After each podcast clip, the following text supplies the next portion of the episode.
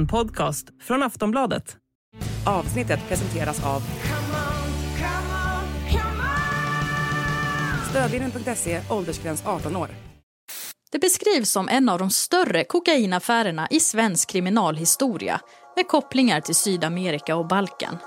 Nu tror sig polisen ha närmat sig toppen av det internationella drognätverket.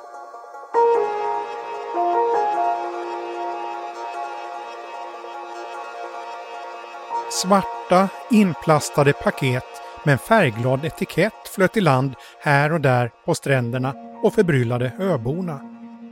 Några barn tog med sig ett av strandfynden hem och sen blev det liggande på farstutrappan.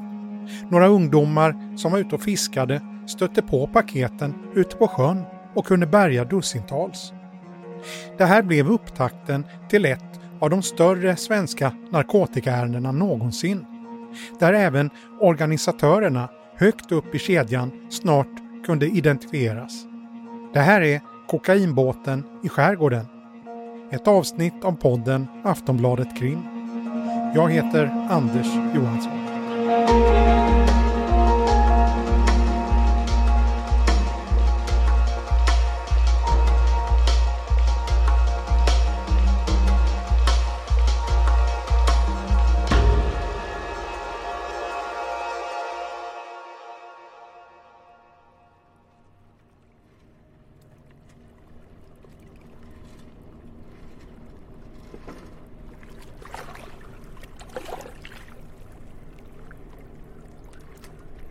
Det här avsnittet börjar vi sent på våren 2020. Det är natten mellan den 25 och 26 maj och vi befinner oss på havet utanför Göteborgs skärgård. Det är svalt i luften även om det märks att det börjar närma sig sommar. Ett stort fraktfartyg med namnet Donosa stävar fram några kilometer till väster om öarna Styrsö och Vrångö.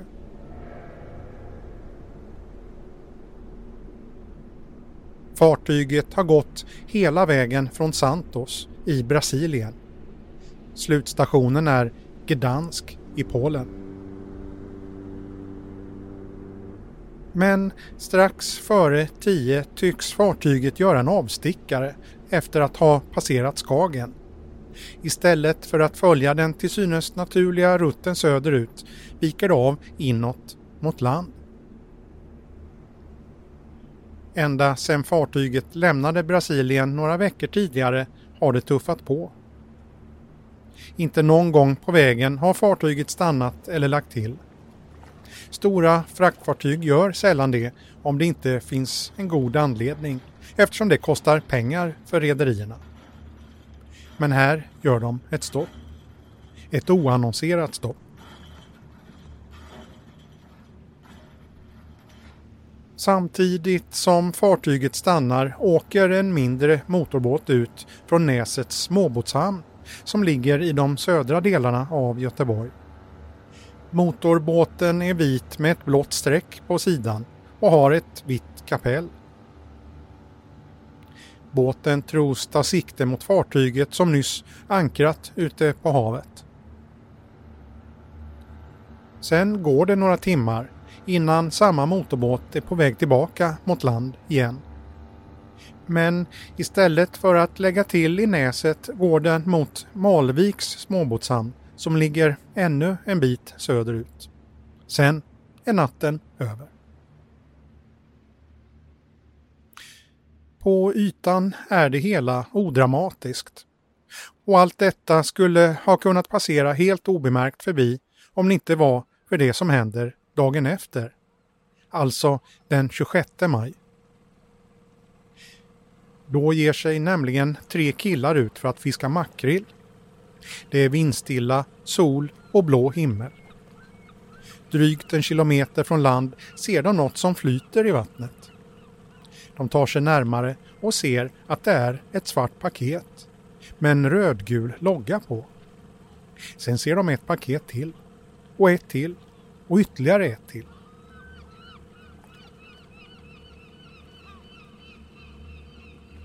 Sammanlagt 15 identiska paket kommer flytande.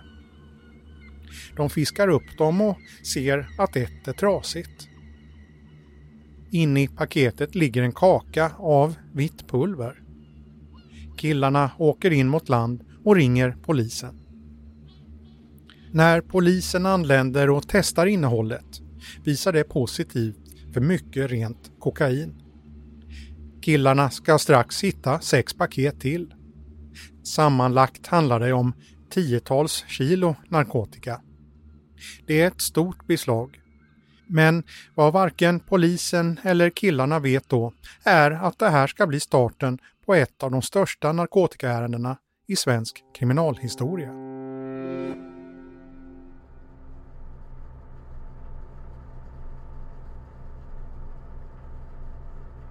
Vi är ombord på en färja på väg ut till Göteborgs yttre södra skärgård.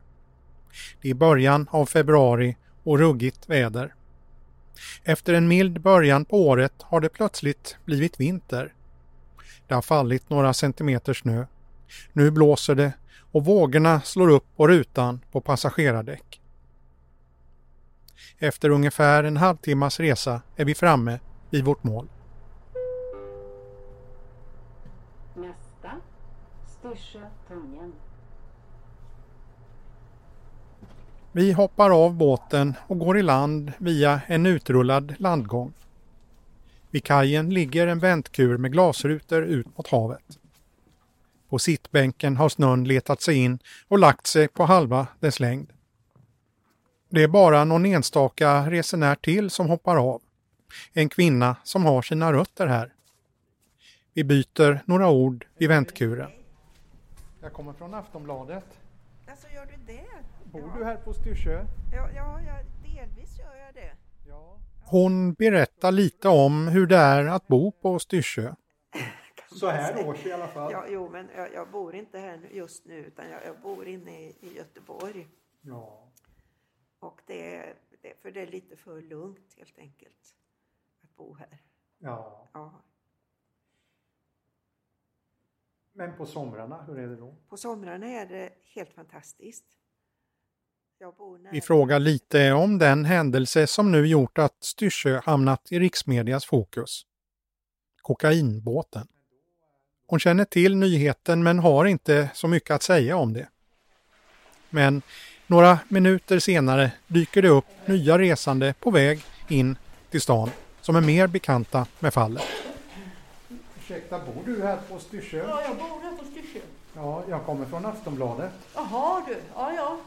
Eh, Vad gör du här? Eller vad är det som intresserar Aftonbladet eller läsarna? Det kommer att bli en rättegång nu snart. Ett av de allra största knarkärendena Ja! i Sverige.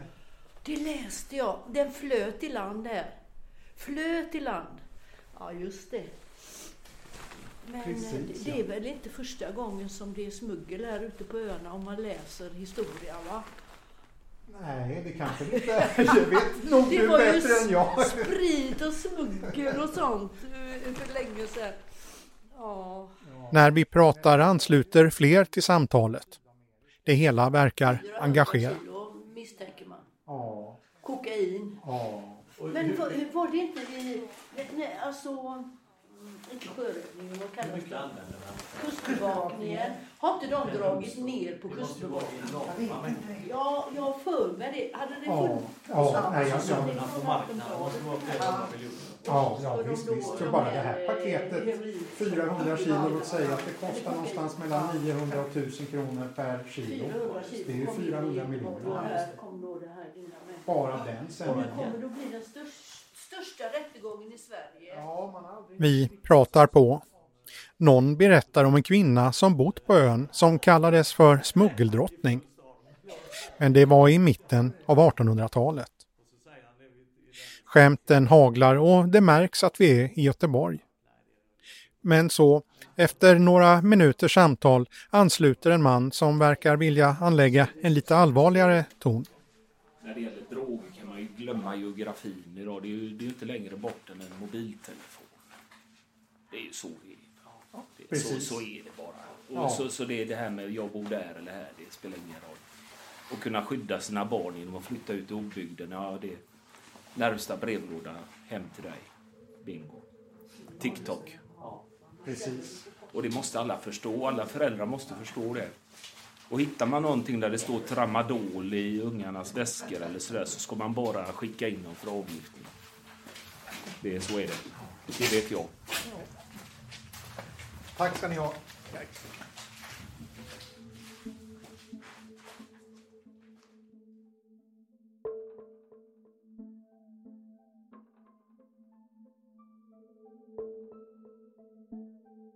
Det här avsnittet ska handla om ett av Sveriges största narkotikaärenden någonsin och som kunde avslöjas på grund av att smugglarna tappade en del av lasten i sjön.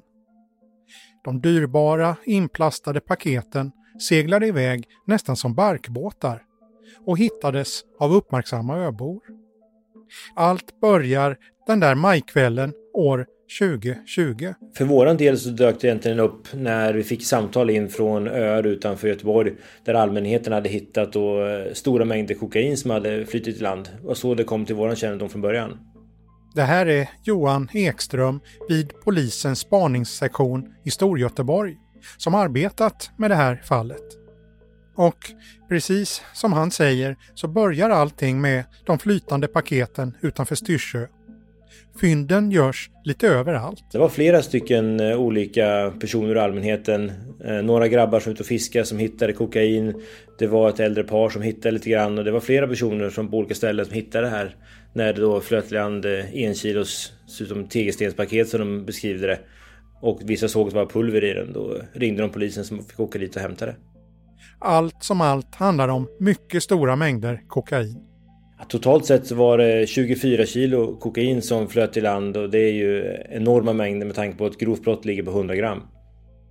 Eftersom det rör sig om så stora mängder narkotika och det är oklart vem som ligger bakom hamnar ärendet hos spaningsenheten. Men vad är egentligen förklaringen till att det plötsligt flyter i land stora mängder kokain? Ja, man tänkte väl initialt att det här är någonting som har gått snett vid någon form av avlastning utan det flyter ju inte i land av en slump de här mängderna. Utan det måste ha kommit ett stort fartyg så vi började genast kontrollera vilka fartyg har varit i området och kontaktade Kustbevakningen och alla andra myndigheter som började kartlägga vilka fartyg har varit i närheten. I kontakten med de andra myndigheterna isolerar polisen tidigt ett misstänkt fartyg. Dess AIS-sändare, som visar den exakta rutten på sjökortet, blir en av ledtrådarna. Det kom ett fartyg, fick vi reda på lite längre fram, som kom från eh, Sydamerika, som var på väg till Polen. Som vi då kan se har eh, med största sannolikhet varit involverade i det här. Tidigt i utredningen har polisen alltså hittat ett intressant spår.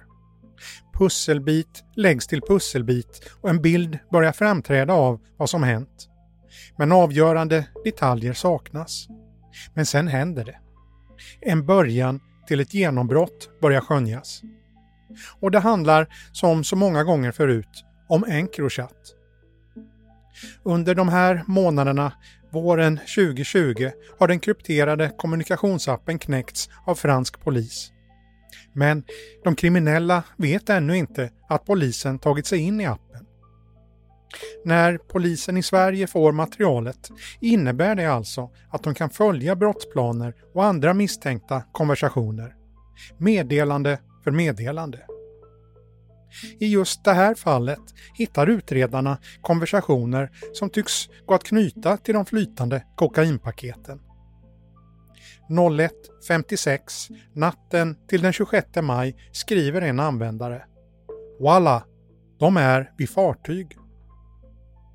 Sen följer fler meddelanden. Man kunde se hur man pratade om saker, man kunde se hur många av våra grovt kriminella helt plötsligt åkte runt med båtar i skärgården och letade efter kokain. Och det känns inte som en slump dagarna efter det här. Polisen drar slutsatsen att de användare som skriver om fartyget också är de som tappat bort kokainet. Men kruxet är att användarna är anonyma. När vi fick det här till början, då såg vi i just alla de här chattarna vad som hade, hur det har gått till. Men de är anonyma när de skriver i de här chattarna. Det är ju bara ett, ett namn som de har. Eh, så vårt uppdrag var ju att försöka identifiera vilka personer låg bakom de här eh, chattarna. Vem skrev till vem och vilken roll hade de här personerna? Polisen har alltså en del att gå på. Ett misstänkt fartyg, Encrochat-konversationer som tycks höra ihop med ärendet. Utredningen har ett tydligt spår. Men spåret ska ta slut. I juni 2020, bara några veckor efter att den misstänkta kokainbåten lagt till i Göteborgs skärgård, skriver Encrochat själva att appen blivit knäckt. De uppmanar sina användare att göra sig av med telefonerna. Av allt att döma tar användarna uppmaningen på allvar. Enkron slutade ju mitt i en konversation då de alla la av. Så vi kunde se ungefär vad som hände, vad som hade skett. Men sen slutade det mitt i mening.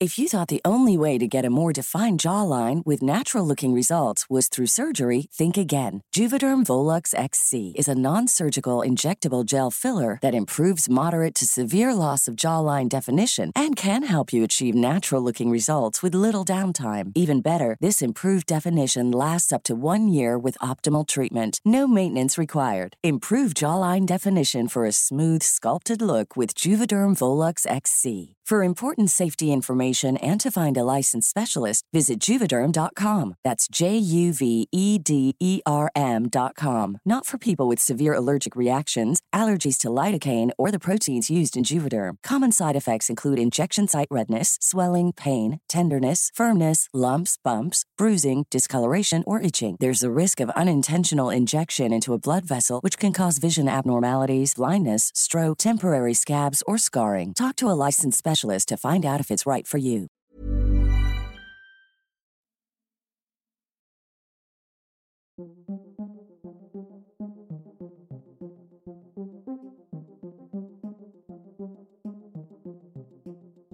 När nyheten om Encrochat tapetseras på löpsedlar runt om i världen slutar de kriminella att använda appen. Det blir knäpptyst. Just Encro-delen där så skapar många oro i leden generellt i många, många ärenden. Att många har varit nojiga och man hörde rykten bland kriminella att ja, undan är det min tur, när ska jag bli gripen? De väntade nästan bara på det, att de skulle bli det. Tystnaden i chattarna gör att utredningen om kokainbåten stannar av. Även om en del bevisning är hemma saknas avgörande pusselbitar. Det står still. Men det ska visa sig att många av de kriminella nätverken inte slutat kommunicera. De har bara bytt app. Från Encrochat till Sky ECC, en annan krypterad app. Och i likhet med Encrochat ska även Sky knäckas av fransk polis. Och så tog det ju ett tag innan vi fick, innan fransmännen då lyckades knäcka eh, Sky och vi fick tillgång till den delen. Så där var det ett uppehåll emellan. Tills vi kunde se fortsättningen på konversationerna i Encro övergick i Sky. Därav är det här uppehållet i förundersökningen då vi inte riktigt visste. Vi kom inte vidare där. Men med materialet från Sky får polisen en kompletterad och detaljerad bild av vad som hänt den där natten på havet utanför Styrsö. Ja, absolut. Den är väldigt tydlig. Utan vi kan ju se i, kan läsa i klartext i de här chattarna att det kommit in ett fartyg, de har mött upp den vid 2-3 tiden på natten där. Det har lastats över och vart de har kört det i land sen, hur de har fört det vidare. Det finns en väldigt tydlig dokumentation i chattarna. Vilket fartyg, vilka mängder och vart de åkte och hur det gick till. I chattarna går det också att följa när gänget inser att något har gått fel. Allt är frid och fröjd under natten den 26 maj. Strax efter sju på morgonen skriver en användare “Allt är i mål”. Kort senare skickas bilder på hundratals fyrkantiga paket. Alla är nöjda. Men sen sätter sig en av de inblandade och räknar paketen. 305 stycken. En annan invänder och skriver “Räkna igen. Det ska vara 400”. De hittar några paket till i en väska, men totalt blir det bara 330 stycken. 08.24 kommer ett meddelande. Han säger att de kanske tappar i vatten. två minuter senare ett nytt meddelande. Bror, han säger att han har tappat väskor i vatten. Det blir stressigt i chatten. En vill veta om paketen flöt. En annan föreslår att de ska försöka få fram en dykare.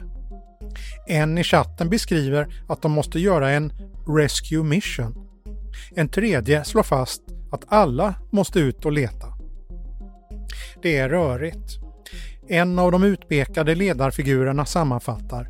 Allt är utspritt. Kassar, ladd som flyter. Enligt polisen har chattarna lett till att de nu har en tydlig bild av vad som gått snett under leveransen. Vi har en ganska bra bild om vad som gick fel utan eh, de firades ner ifrån det här stora fartyget och i samband med det så lossnade en väska. Det var inte tillräckligt bra ditsatt och eh, så gick väskan sönder och de lyckades fiska upp en hel del men inte allt utan det flöt iväg framför andra båtar. Då vågar man inte riskera det här så då eh, släppte man det. I utredningen går det sedan att följa hur de misstänkta åker ut med båten igen för att leta efter paketen. Men de hittar inget. Personen som letar skriver “Ser mörkt ut. Kan inte ens se en spidad säl i havet.” Av allt att döma ger de misstänkta upp räddningsmissionen. De fokuserar istället på att distribuera de paket de fått till land. Partiet delas upp och går iväg till olika mottagare. En del går iväg till Norge, en annan till Stockholm och ytterligare en del går till Staffanstorp i Skåne. Samtidigt fortsatte kartläggningen mot de som tog emot jättepartiet utanför Styrsö. I april 2022 slår polisen till. Fyra personer grips. Jag tycker vi har fått fram en klar bild egentligen vad som har skett i de olika leden. Hur planeringen har gått till i Sverige. Eh, vilka som organiserar det här i vårt land. Och sen eh, hur transporten har skett. Vart eh, kokainet har gått. Till vilka städer det har levererats. Och eh, fått en ganska klar bild på vilken effekt det här har haft, hur mycket vi har tagit i beslag runt om i landet av olika instanser, både polisen och tullen och eh, vilket värde det här har haft. Enligt polisen handlar det om cirka 380 kilo kokain som smugglats in. Något som på gatan har ett värde på uppemot 380 miljoner kronor. Genom chattarna menar polisen att de har en bra bild av gruppens struktur och vilka roller de olika åtalade personerna har haft. De har haft olika roller. Allt från eh, varit, eh, som vi misstänker, de utländska aktörerna som faktiskt eh, ägde det här partiet. Deras personer i Sverige. Organiserat den he hela alltihopa då. Till att organisera det i Sverige. Fixa båtar, utrustning. Eh, det som behövs för att kunna genomföra en sån här transport. Och sen eh, har de haft roller som att transportera ut det här till de olika kunderna runt om i Sverige. Kört kurirer som har kört det till Malmö, kört i Stockholm och här i Göteborg.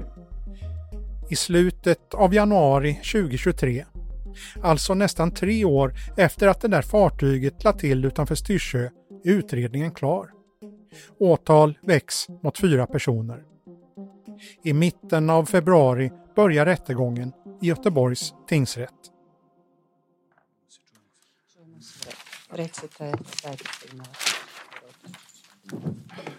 Så alla har funnit sina platser.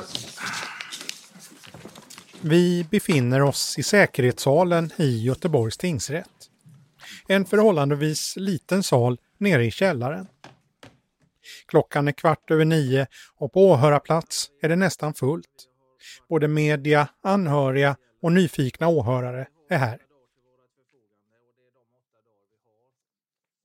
Bakom säkerhetsglaset, inne i salen, sitter tre av de fyra åtalade.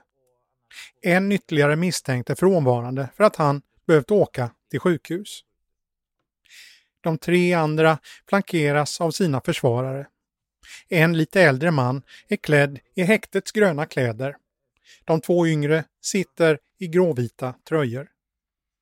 Den grönklädde spanar ofta bakåt mot åhörarna. De andra tittar mest rakt mot åklagaren eller småpratar med sina försvarare. Efter några minuters diskussion får åklagare Mats Dahlberg ordet och inleder dagens förhandling. Och då börjar vi med punkten 1, medhjälp till synnerligen grov, narkot grov narkotikasmuggling. Ett flertal personer har omkring den 25 till 26 maj 2020 tillsammans i samförstånd olovligen och uppsåtligen till Sverige med ett fartyg infört cirka 380 kilo kokain som är narkotika. Kokainet var ytterst potent, i huvudsak cirka 90 procent. Idag är åklagarens dag. Bevisningen i målet ska gås igenom steg för steg. En del känns igen från det vi berättat tidigare. Berättelsen om hur de misstänkta männen åker ut och möter fartyget. Lastar över flera hundra kilo kokain. Men tappar en del och åker sen tillbaka mot land. Vi återberättar inte allt en gång till men under förmiddagen får vi fler detaljer från utredningen. Vi kan till exempel i detalj följa de meddelanden som skickas under överlämningen av kokainet i skärgården. Meddelanden där de misstänkta så småningom skriver så mycket om sig själva och sänder sådana bilder att de snart kan identifieras. Åklagaren Mats Dahlberg läser ur konversationerna från den aktuella natten. Nu är vi framme. Vi har gått över till den 26 02.24. Det är natten och nu är den lilla båten som vi ser här, den är ute i närheten av fartyget, står och väntar. Och nu får man klartecken. Klartecknet kommer i form av flera meddelanden mellan de inblandade och en som tros befinna sig ombord på det stora fraktfartyget. Han kan köra fram. Vi knyter för att fira ner. Här, här är han. Eh, starta broder. Det är då övriga inblandade och den här sju, som börjar på sju. Eh, det är en person på, ombord på båten. Fartyget. Svaret från den lilla båten kommer nästan direkt. Bror, vi är framme. Vi är under ankaret. Om vi är vid rätt fartyg, bror. Åklagaren läser också upp meddelanden som tycks komma från personen ombord på fartyget som också styrker att något gått snett vid överlämningen. Dessa skickas ungefär en halvtimme senare. Strax efter tre-tiden, nästa jag tänkte läsa upp, då har, har det genomförts. Från en som sprack, men de har plockat upp allt. Eh, är allt OK där? Och vidare. Och den andra som sprack, tio stycken, ramlade ut i havet. Så som jag kunde se härifrån. Och så var det två som sprack väskorna. Åklagaren går också grundligt igenom vilka roller de olika misstänkta männen tros ha haft i operationen. Någon har agerat chaufför, en annan har stått för logistiken, en tredje har främst hanterat hämtningen av kokainet ute på fartyget. Den bevisning som läggs fram grundas främst på material från de krypterade mobilerna. Det handlar bland annat om brukaranalyser där man på olika sätt försöker identifiera de personer som gömmer sig bakom smeknamnen i chattarna. Målet för åklagaren är alltså att kunna visa kopplingar mellan saker som sägs i chattarna och saker som hänt i verkligheten. Ett exempel på det här är hur åklagaren knyter ett konto till den man som tros ha kört båten och hämtat kokainet. Knappt en vecka efter att kokainet ska ha lastats av skriver han i en av chattarna. Är ute och kör cross en stund nu i alla fall med solglasögon. Sen är det tyst i chatten några timmar innan han skriver igen. Jag ramlar med 450 sydde hakan och skrapmärken på armarna. Samt bror jag kommer däcka, varit på akuten hela dagen typ. Samma dag har en av de misstänkta männen åkt till en akutvårdscentral i Göteborgsområdet. Åklagaren läser ur journalen. I journalen står det att han har ramlat med motocross och sårskador på hakan samt multipla skrapsår. En av de åtgärder som görs är att sy åtta stygn på haken. Ett annat exempel gäller den misstänkte chauffören som ska ha kört vidare mindre delar av kokainlasten för försäljning på flera ställen i Sverige. Dagen då det stora partiet ska ha tagits i land skickar det kontot en bild på mängder med kokainpaket till en gruppchatt. I bakgrunden syns en bil. Och zoomar man in så ser man också ett registreringsnummer. Vid den här tillfällen så hade bror en Opel Vivaro med regnummer som börjar på de här siffrorna. Ja, enligt åklagaren syns en bil som tillhör en av de tilltalades bröder. På en annan bild som skickas från samma konto syns ett par skor som tycks tillhöra den som fotograferar. Även dessa återkommer senare i utredningen. Eh, ett fotografi taget på narkotikan av och han har samma typ av skor på sig när han grips sen ett En, långt senare. Under den här förmiddagen får också de misstänkta männen berätta hur de ställer sig till misstankarna. Två förnekar, en varken erkänner eller förnekar. Han menar att han inte har något minne av händelserna. Och sen händer något som sker förhållandevis sällan i mål som gäller den här typen av misstänkt organiserad brottslighet. En erkänner. Advokat Mattsson. ja, eh, jag erkänner gärningarna. Och eh, han, eh, men han bestrider det utvidgade förverkandet och eh, han har ingen erinran mot bevisbeslaget. Det handlar om den lite äldre mannen i häktets gröna kläder. Varför han nu erkänner får vi inget svar på under dagen. I en paus säger hans advokat att det kommer framgå senare, men han vill inte föregå förhandlingen. Oavsett erkännandet är det värt att påpeka att de tilltalade ännu inte dömts och därför ska betraktas som oskyldiga. Rättegången kommer fortsätta en bit in i mars och en dom i målet är fortfarande många veckor bort.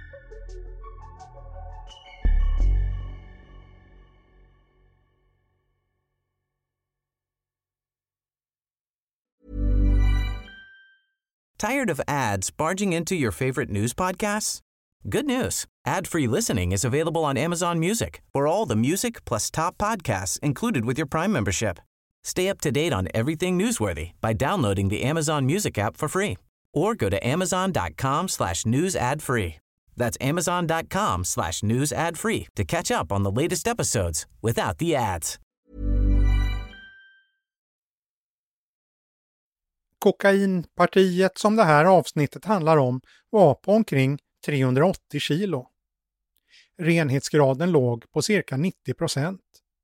När det säljs i sista ledet brukar renheten ligga på mellan 50 och 70 procent, men det förekommer ibland att det är betydligt mer utspätt än så.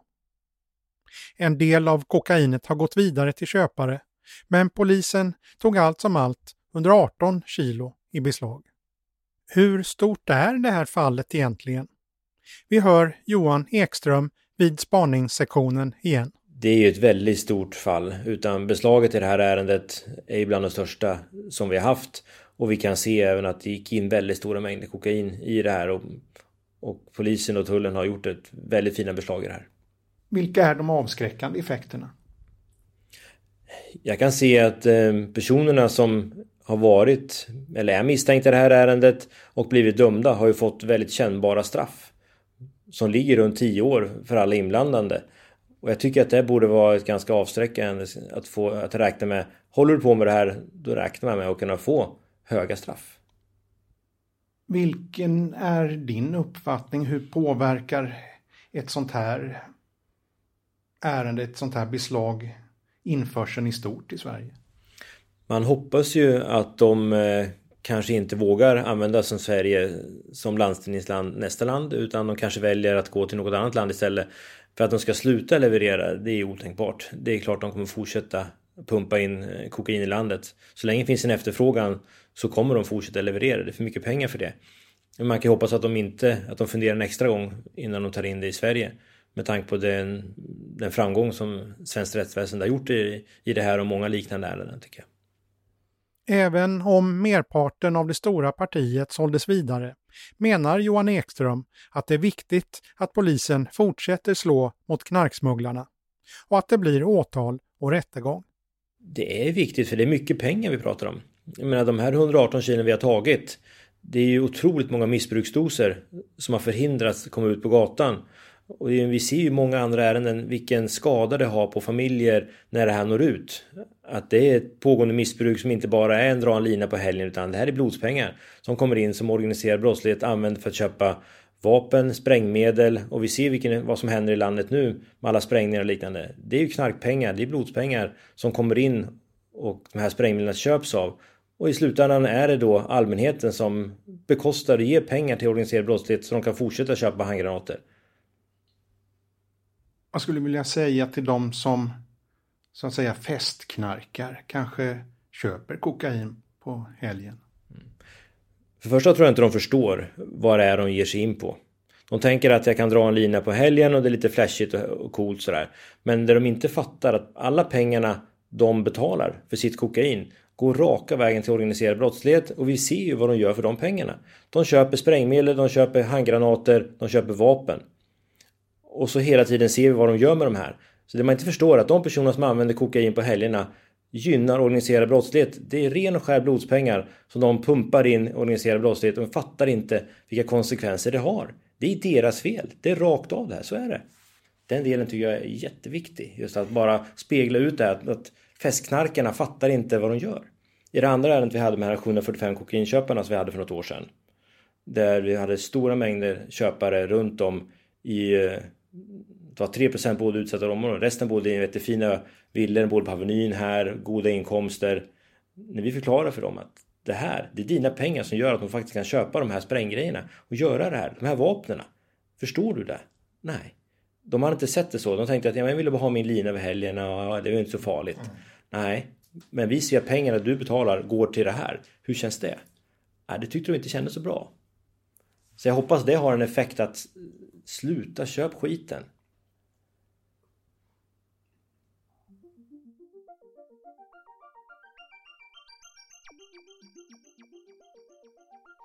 Det är partyknarkarna som göder de kriminella gängen, säger alltså poliser som jobbar med narkotikaärenden. Det är de, köparna, som behöver angripas om det ska bli någon minskning av skjutningarna och sprängningarna. Det är ett argument som hörs allt oftare i debatten, även bland ledande politiker.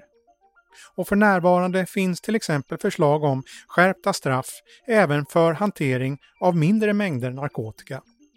Också beställning av narkotika ska göras straffbar. Men det är inte alla poliser som tycker att det är rätt väg att gå. Det finns de som tycker att partyknarkare inte har något att skämmas för. Nej, jag tycker inte det. Och det, det, är, min, det, är, min, ås, det är min personliga åsikt och den, den är grundad i, i uh, min syn på, på droger. Att vill man välja andra berusningsmedel än alkohol så ska man få göra det. Det här är Erik Petschler och han jobbar som dialogpolis i Stockholm. En av hans arbetsuppgifter är att vara närvarande vid polisinsatser i anslutning till demonstrationer av olika slag. Han är också en profilerad debattör och kallas ibland den drogliberala polisen. Att skamma eller skuldbelägga de som använder narkotika då och då tycker han är fel.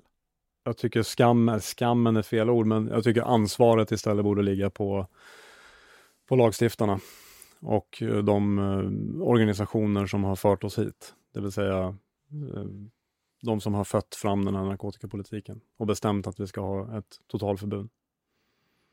Man behöver inte känna någon skam heller för att kanske ens pengar går vidare till gängen. Jag, jag lägger mig inte i hur människor eh, känner och tänker kring det. Det finns säkert de som, som använder kokain då och då och som ändå tycker att det känns förjävligt att det går till gäng. Sen finns det andra kanaler att köpa eh, dro illegala droger för som inte nödvändigtvis behöver gå direkt till gängen. Det finns andra vägar.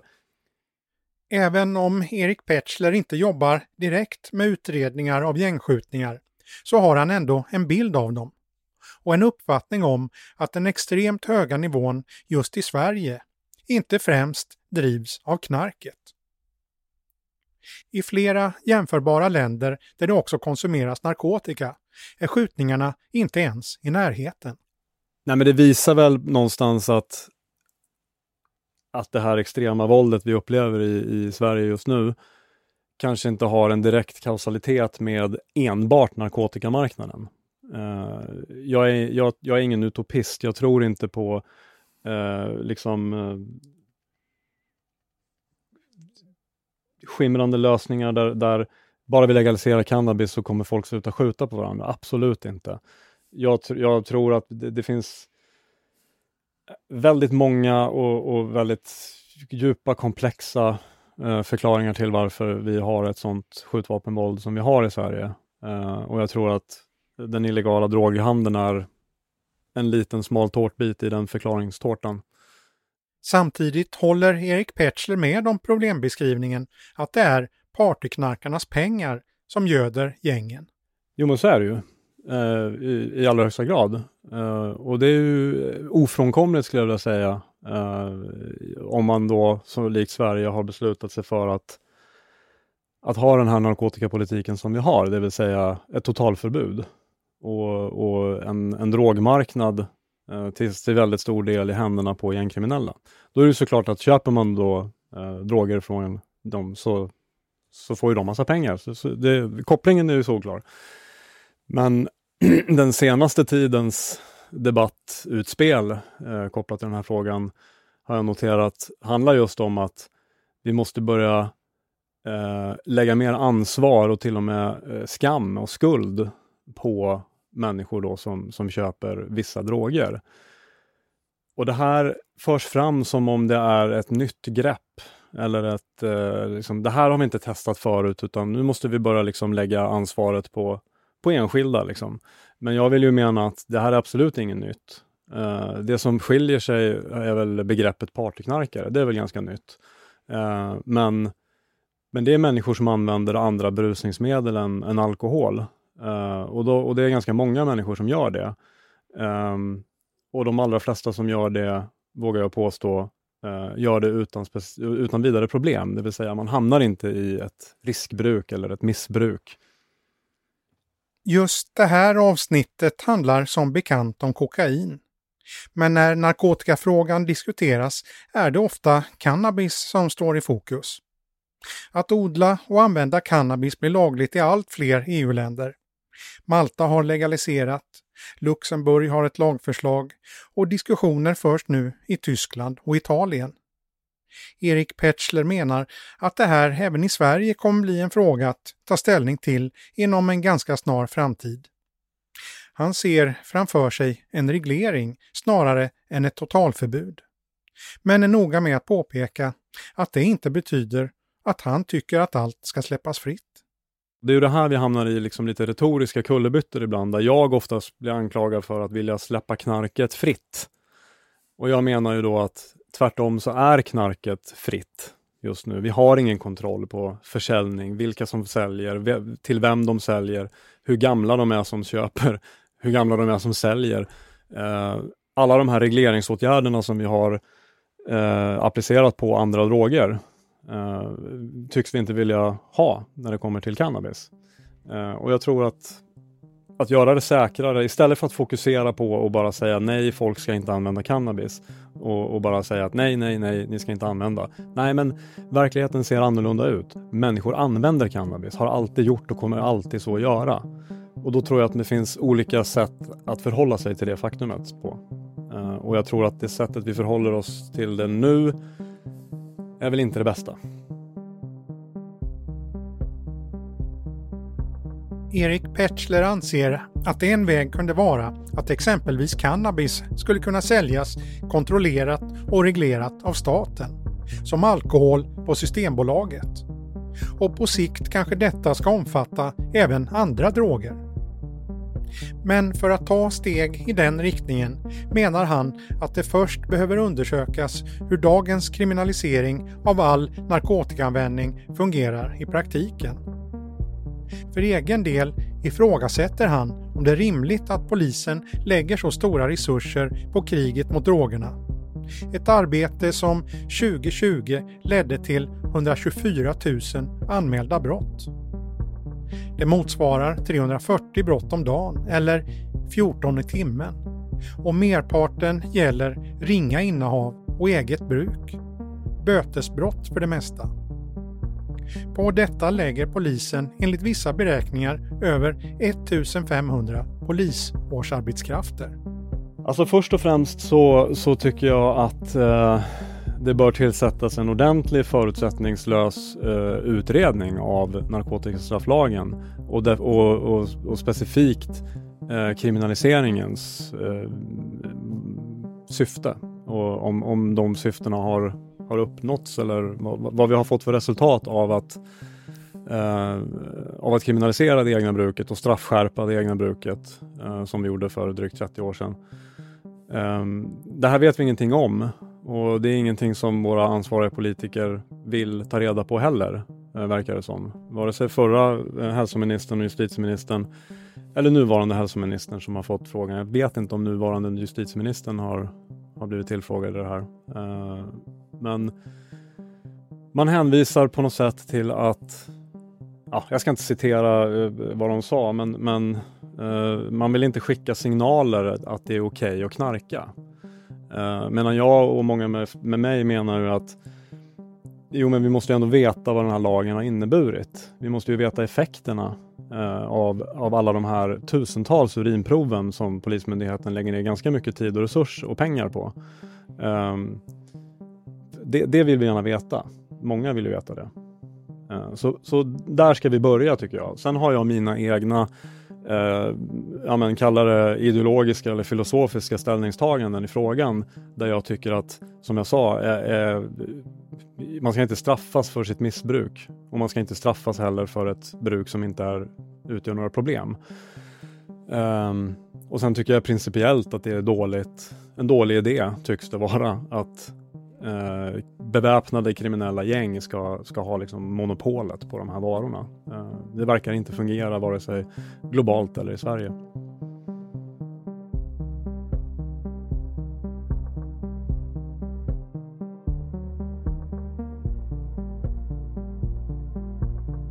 Du har lyssnat på ett avsnitt av podden Aftonbladet Krim. Klippet i början av programmet kommer från Sveriges Radio P4 Göteborg. Producent var Marcus Ulfsand. Jag heter Anders Johansson.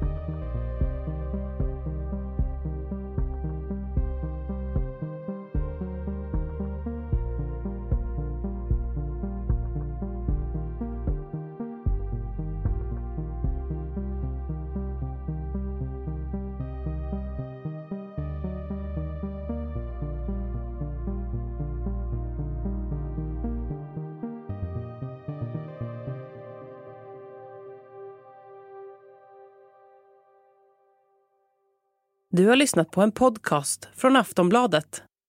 Ansvarig utgivare är Lena K Samuelsson.